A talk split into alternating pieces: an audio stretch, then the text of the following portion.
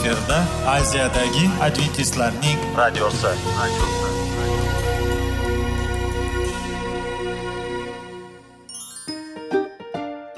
Assalomu alaykum aziz radio tinglovchilar. Sog'liq daqiqasi rubrikasiga xush kelibsiz.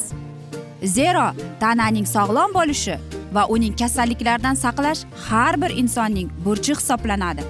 Inson uchun bebaho boylik bu sog'liq salomatlikdir. Uni asrash esa har birimizga omonat qilib berilgan. Shuning uchun ham inson o'z sog'lig'ini ehtiyot qilishi voajib amallardan hisoblanadi. Dono xalqimiz sog'liq tuman boylik deb bejiz aytmagan. Aql idroq sohibi bo'lgan inson o'z hayotini qadrlashi lozim bo'ladi. Hozirgi kunda qanchalik dori darmonlar ko'paymasin tibbiy muassa sifati shifokorlar vasiyasi tibbiy texnika yaxshilanmasin. Agar insonning o'z salomatligi haqida qayg'urmasa kutilgan natijaga erishib bo'lmaydi va biz sizlarga bizning dasturimizga xush kelibsiz deymiz.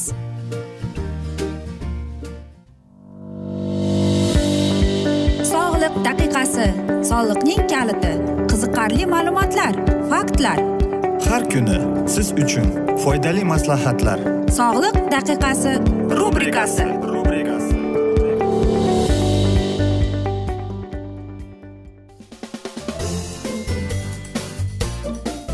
assalomu alaykum aziz radio tinglovchilar. Dasturimizga xush kelibsiz va biz sizlar bilan sog'liq formulasi degan dasturda xushvaqt bo'ling deb aytamiz va bugungi bizning dasturimizning mavzusi bu hayotga tayyorgarliklar deb aytadi. Ya'ni jismoniy mashqlar eng yaxshi tanlov tajriba qilib ko'ring deb aytmoqchimiz. Stadionda hayajonlangan olomon qiyqirib rojer bannisterga dalda berardi. Rojer bannister angliyadagi oksford shahrining yolfli roud stadionida qisqa masofaga yugurayotgan edi. Bungacha bannister musoqabaga astoydil tayyorlandi. Bannister to'rt daqiqada bir milni bosib o'tish natijasini qo'lga kiritish uchun trenirovkaga astoydil kirishdi. Tayyorgarlikni kundan kun oshirdi va toqqa chiqish mashqini o'ziga majburiyat qilib qo'ydi.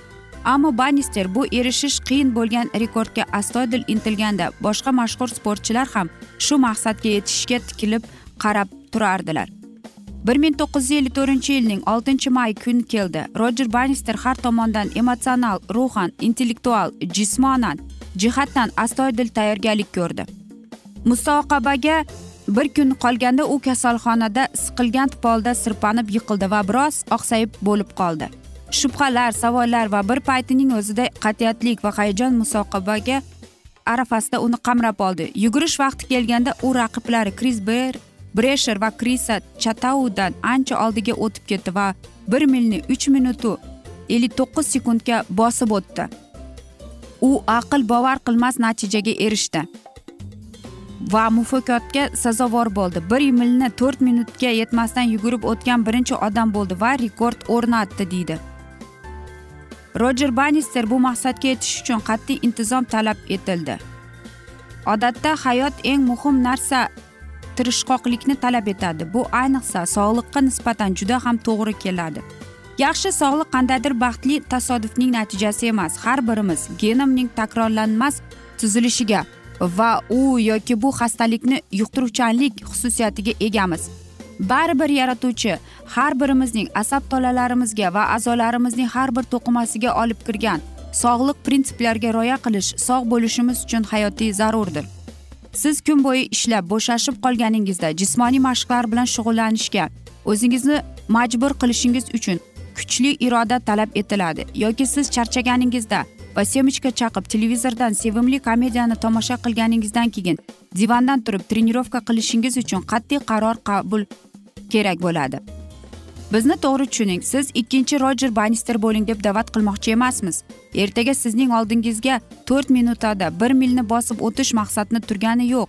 Maqsad o'zingizning jismoniy holatingizni baholash vrachdan maslahat olib yoshingizga va imkoniyatingizga mos ravishda muntazam ravishda doimiy mashqlarni bajarishni boshlashdir. Yosh odamlar uchun bu albatta yaxshi katta yoshli odamlarga qaraganda kuchli mashqlar bo'lishi mumkin. Siz mashqlar dasturini boshlab muntazam bajarishingiz uchun sizni nima bilan qiziqtirish mumkin degan savol keladi. Agar siz hozir muntazam shug'ullanmagan bo'lsangiz sizni ishontirish uchun nima kerak degan savol berib o'tmoqchimiz. Eng muhimi bu jismoniy mashqlar albatta. Jismoniy mashqlar a'zolarimizga sog'lomlik uchun turtki beradigan usullardan biridir. Tibbiyot fanining otasi gippokrat bir kuni aytgan edi.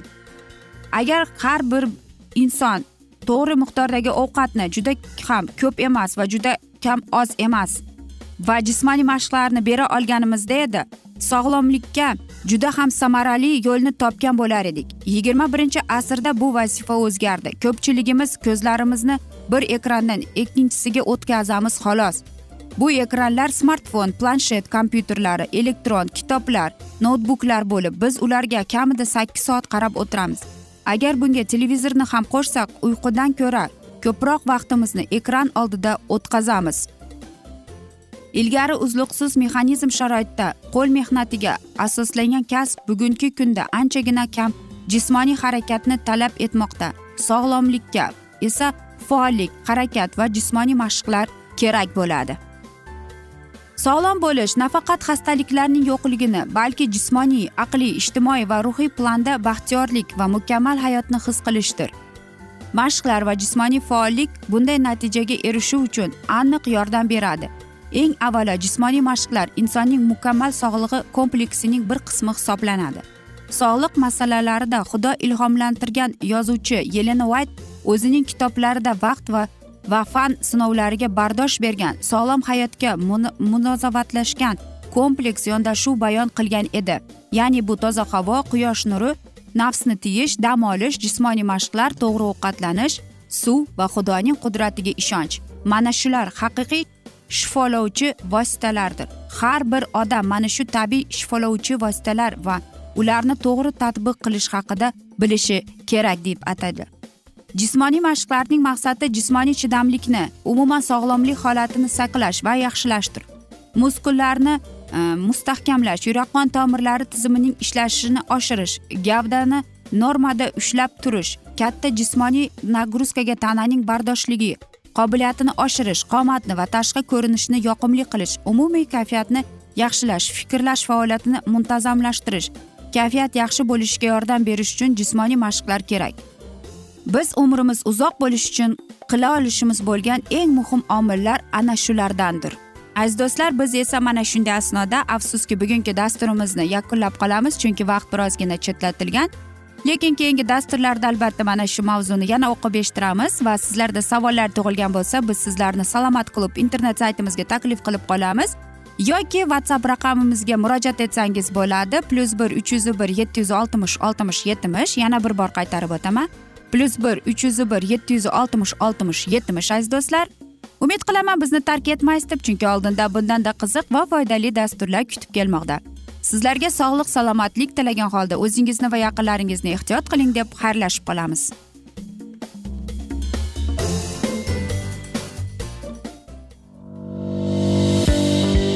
Sog'liq daqiqasi soliqning kaliti qiziqarli ma'lumotlar faktlar. Har kuni siz uchun foydali maslahatlar. Sog'liq daqiqasi rubrikasi.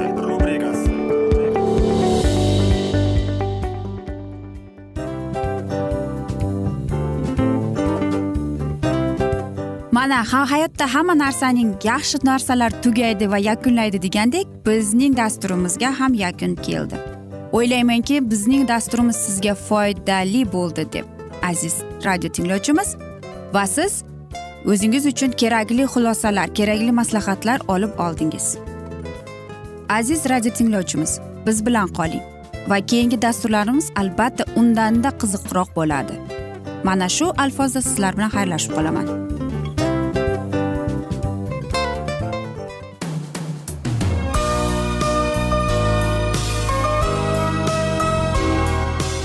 Efirda aziyadagi adventistlarning radiosi.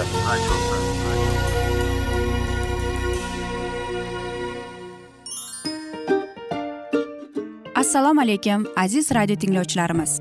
Dil izhori dasturimizga xush kelibsiz. Pul insonni baxtli qiladimi? Albatta yo'q. Sog'liqchi? Albatta bo'lishi mumkindir. Lekin olimlar shuni isbotlashdiki to'liq va mukammal munosabatlar insonlarni baxtli qilar ekan. Albatta biz hayot davomida biz yaqin insonlar bilan odamlar bilan aloqada bo'lamiz va ular bilan munosabatlarimiz qanday kechadi qanday tuziladi? Yigit va qiz er va xotin ota ona va farzandlar va yaqin insonlar bilan. Balkim hozirgi vaqtda kimnidir hayoti yoki munosabatlari buzilyapti va bizning dasturlarimiz ularga yordam bo'ladi deb va oldinda sizlarni qiziqarli intervyular va mavzular kutyapti va biz umid qilamizki siz biz bilan qolasiz deb.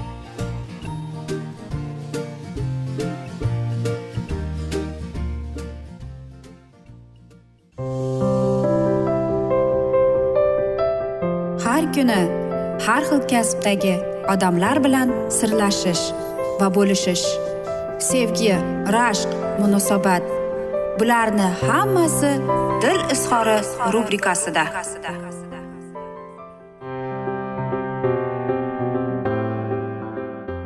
Assalomu alaykum aziz radio tinglovchilar dasturimizga xush kelibsiz va biz sizlar bilan ben karsonning oltin qo'llar degan kitobini o'qib eshittirishni boshlagan edik va bugungi bizning dasturimizning mavzusi e, bu albatta jiddiy qadam deb ataladi. Bilasizmi jorj udvarilining e, bu neyroxirurgicheskiy e, mana отделениyaning eng katta shifokori hisoblanadi. E, men собеседованияga o'tganim borganimda aynan o'zini qanday tutgani menga qoyil qoldirgan. Va qarangki u o'zining savollarini menga berib o'tdi. U menga aytyapti siz o'zingiz haqida e, birozgina bo'lsa ham so'zlab bering deb. Men aytdim to'g'ri ishontirib qiziqarli qilib va o'zimni yengil his qildim va shunda men xudoga ibodat qildim. Xudoyim menga yordam ber. Agar bu sening xohishing bo'lsa sen meni bu yerga olib kelgan bo'lsang e, menga o'zing javob bergin mening o'rnimga deb aytdim. Universitet e, jon hopkinsning deb boshladim. Bu mening birinchi va yagona tanlovimdir. Men bu yerga kuzdan beri tushishga harakat qilyapman deydi. Xohlayman ham. Keyin o'yladim. Ko'p narsani talab qilib yubormadimmi gapirib yubormadimmikin deb. Bilmayman haqmidiman yoki yo'qmi?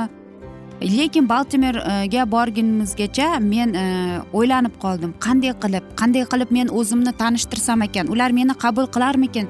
Men qanday bo'lishimdan deb e, yoki o'zim haqida ortiqcha so'zlarni aytib yuborarmikinman deb. Va menga savol berdi. Nega siz aynan shifokor bo'lishni tanladingiz deb. Uning qo'llari katta stolni ustida turardi. Siz nima haqida orzu qilardingiz? Sizning e, birinchi e, xohishingiz qiziqishlaringiz nima bo'lgan? Va men har safar savollariga to'g'ri va lo'nda javob berishga harakat qilardim. Va bir mahali udvarelli shunchalik bir konsert haqida bir yugurtirib o'tdi. Men unda bo'lgan edim. Ha ha men ham shu yerda edim. Nahotki? dedi u. Sizga yoqdimi? Albatta judayam yoqdi dedi. Lekin Э, skripach unchalik yaxshi o'ynamadi. Men xohlagan men kutganchalik deb aytdim. Menga ham shunday tuyuldi. Lekin u yaxshi texnik tomondan yaxshi no deb qo'ydida shu bilan bo'ldi.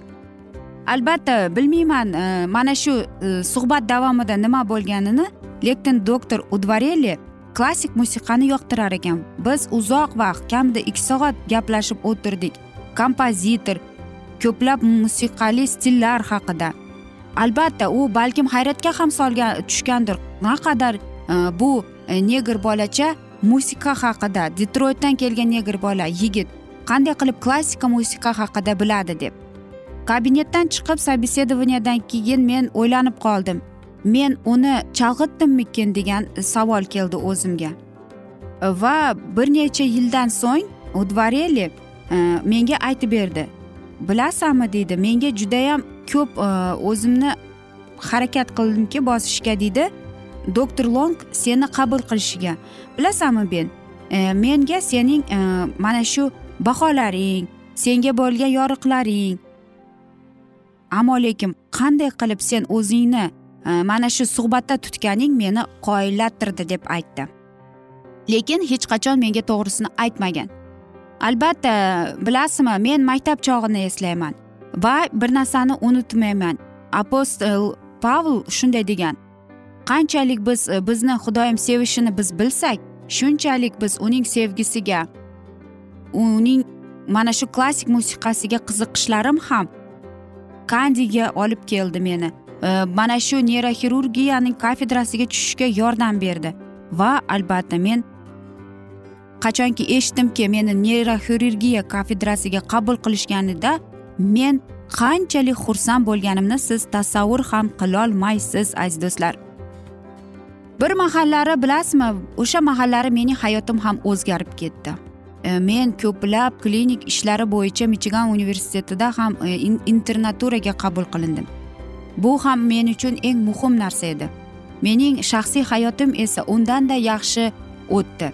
Bahorda bir ming to'qqiz yuz yetmish beshinchi yili kandi yel universitetini tamomlab men esa ikkinchi kurs meditsina maktabini tamomlab va biz oltinchi iyul kuni turmush qurdik. Biz esa e, bundan oldin esa men o'zimning akam kurtis bilan istiqomat qilardim. U vaqtda u albatta hali bo'ydoq edi va u albatta xizmatda edi va kollej michigan universitet kollejini bitirayotgan edi. Biz kandi bilan e, bir uyni ijaraga oldik. Kandi ishga kirdi men esa e, ikki yildan keyin e, mana shu meditsinik e, maktabni bitirardim. Va albatta biz baltimorga ko'chishimizga biz judayam xursand bo'ldik. Biz yashayotganimizda kandi kontektu страховой kompaniyada ishlab yurdi. Albatta u u ishga vaqtinchalik kirdi lekin ikki yilning ichida bir necha universitet publikatsiyalarini tayyorlab va albatta bir necha bor mana shunday jurnallarga chop ettirildi. Va qarangki u bir mahallari e, bir birdaniga universitetda ham ishlab ham turmush o'rtog'i bo'lganligi uchun unga e, o'qish bepulga tushdi aziz do'stlar kandi magistratura stepenini olib hozir esa bank va kreditda ishlab yuribdi. Aziz do'stlar mana shunday asnoda esa biz bugungi dasturimizning mavzusini yakunlab qolamiz. Afsuski vaqt birozgina chetlatilgan lekin keyingi dasturlarda albatta mana shu mavzuni yana o'qib eshittiramiz. Va men o'ylaymanki sizlarda savollar tug'ilgan. Agar shunday bo'lsa biz sizlarni e, whatsappga e, e, taklif qilamiz. Plyus bir uch yuz bir yetti yuz oltmish oltmish yetmish aziz do'stlar. Va umid qilaman bizni tark etmaysiz deb chunki oldinda bundanda qiziq bundanda foydali dasturlar kutib kelmoqda. Sizlarga va oilangizga tinchlik totuvlik tilab. O'zingizni va yaqinlaringizni ehtiyot qiling deb xayrlashib qolamiz.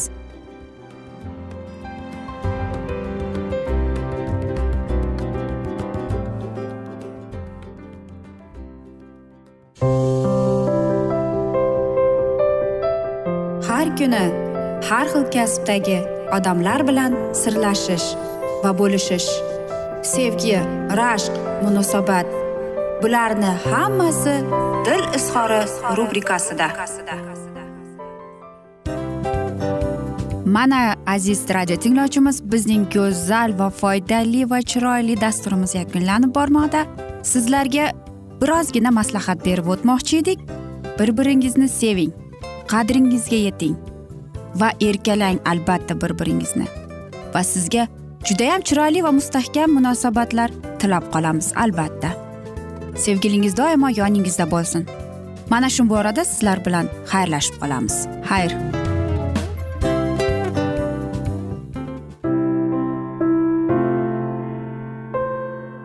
Hayotning noni. Qiziqtirgan savollar va javoblar. Buning hammasi ko'ngil uchun oziqa rubrikasida.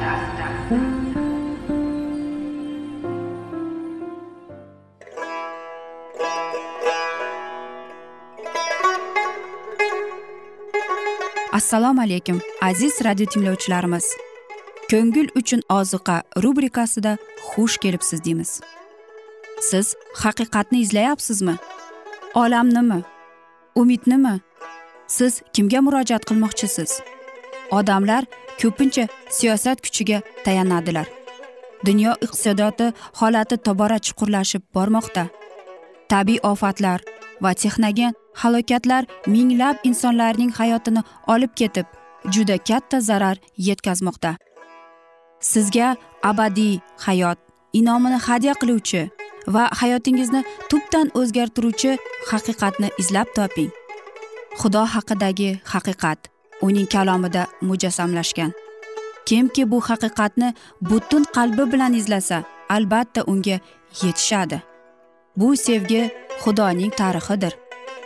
Hayotingizda yoki sizning yon atrofingizdagi olamda nimalar yuz berishidan qat'iy nazar?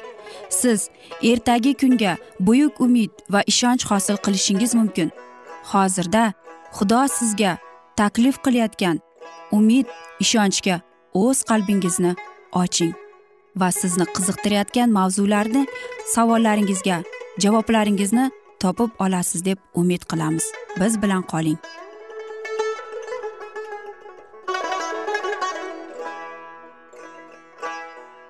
Assalomu alaykum aziz radio tinglovchilar. Dasturimizga xush kelibsiz.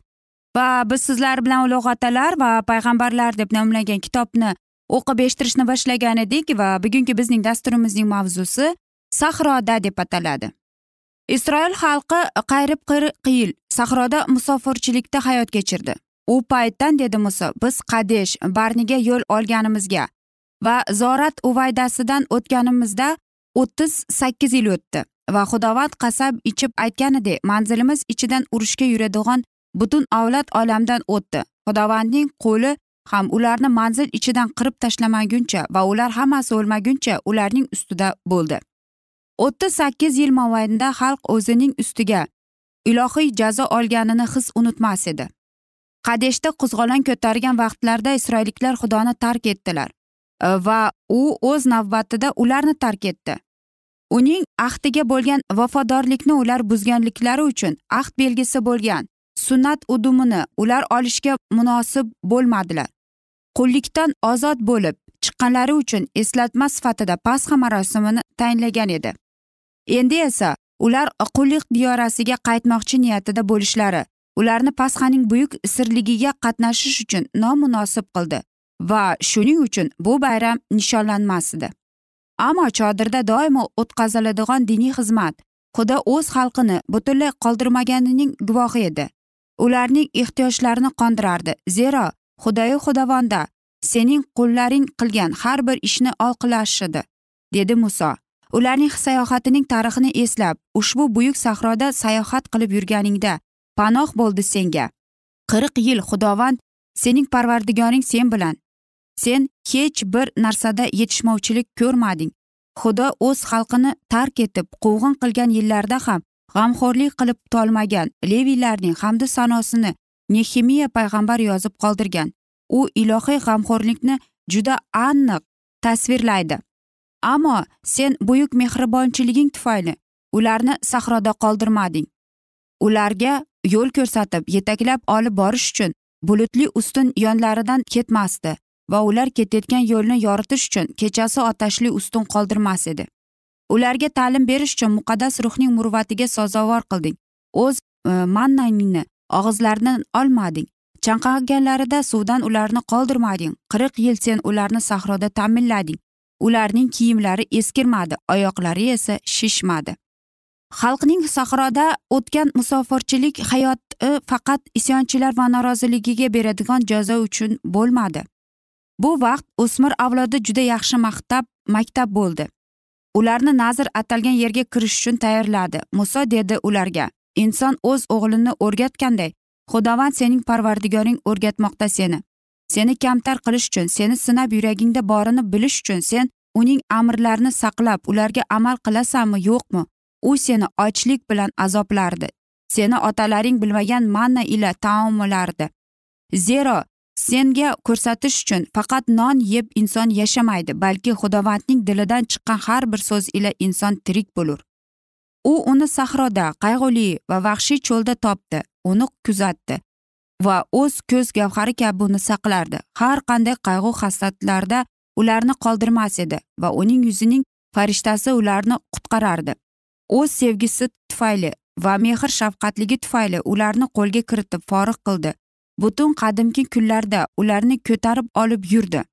Biroq ularning sahroda sarson sardagor hayotining tarixi parvardigori olamga qarshi bo'lgan qo'zg'olon to'g'risida guvohlaydi. Qurah ko'targan isyon o'n to'rt ming isroilliklarning nobud bo'lishi bilan yakunlandi va shunday paytlar ko'p bo'ldi.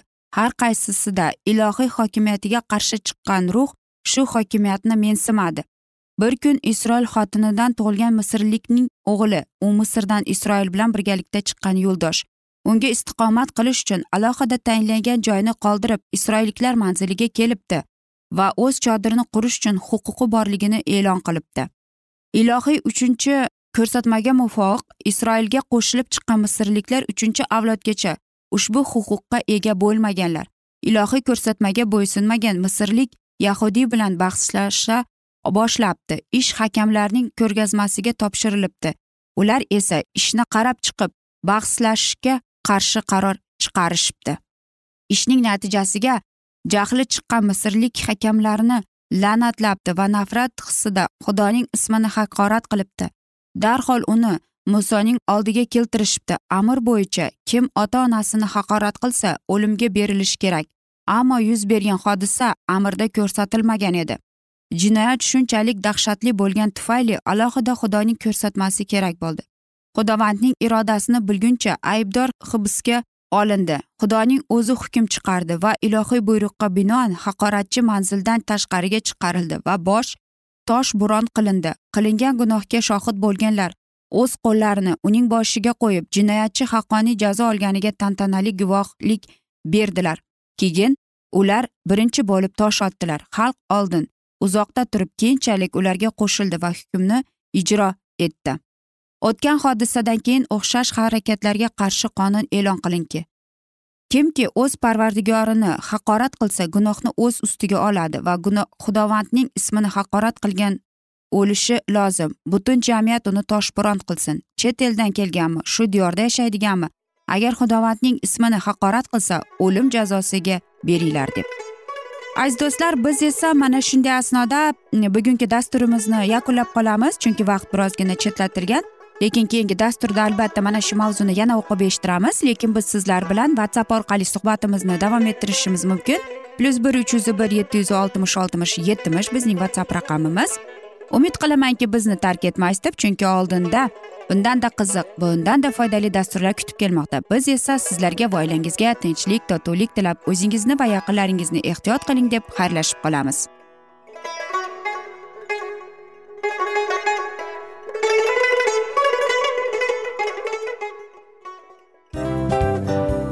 Hamma narsaning yakuni bo'ladi degandek afsuski bizning ham dasturlarimiz yakunlanib qolyapti. Va biz o'ylaymizki bizning dasturimizdan o'zingiz uchun kerakli va foydali maslahatlar olib oldingiz. Sog'liq borasida sizga foydali maslahat berganmiz deb umid qilaman albatta. Va sizlarga mana shu borada sog'liq tilab qolaman. Munosabatlarga kelganda esa sizlarga sevgi omad va albatta yaxshi munosabatlar tilab qolamiz. Uchinchisiga kelganda esa bu juda chuqur va e'tiborli nazarni qumsaydi. Va sizlarga mana shu yaxshilik kayfiyatda sizni kayfiyatingizni ko'targan holda sizlar bilan xayrlashib qolaman afsuski. Ammo lekin keyingi dasturlarimiz undanda qiziq bo'ladi. Va siz biz bilan bo'ling bizni tanlaganingiz uchun sizlarga rahmat.